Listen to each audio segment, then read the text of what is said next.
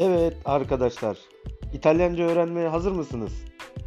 Bu podcast'imizde her gün sizlere İtalyanca bir kelimenin anlamını vermeye çalışacağım.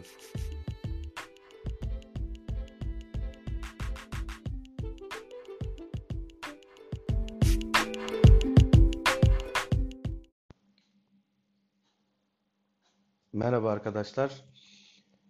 Bugünlerde havalar çok soğuk gidiyor. İsterseniz İtalyanca havalar çok soğuk nasıl denir onu öğrenelim. Oggi il tempo è troppo freddo. Burada ne demiş olduk? Bugün hava oldukça soğuk. Burada soğuk kelimesi hangisi arkadaşlar? Freddo. Troppo freddo dediğimizde oldukça soğuk demiş oluyoruz. Yarın görüşmek üzere.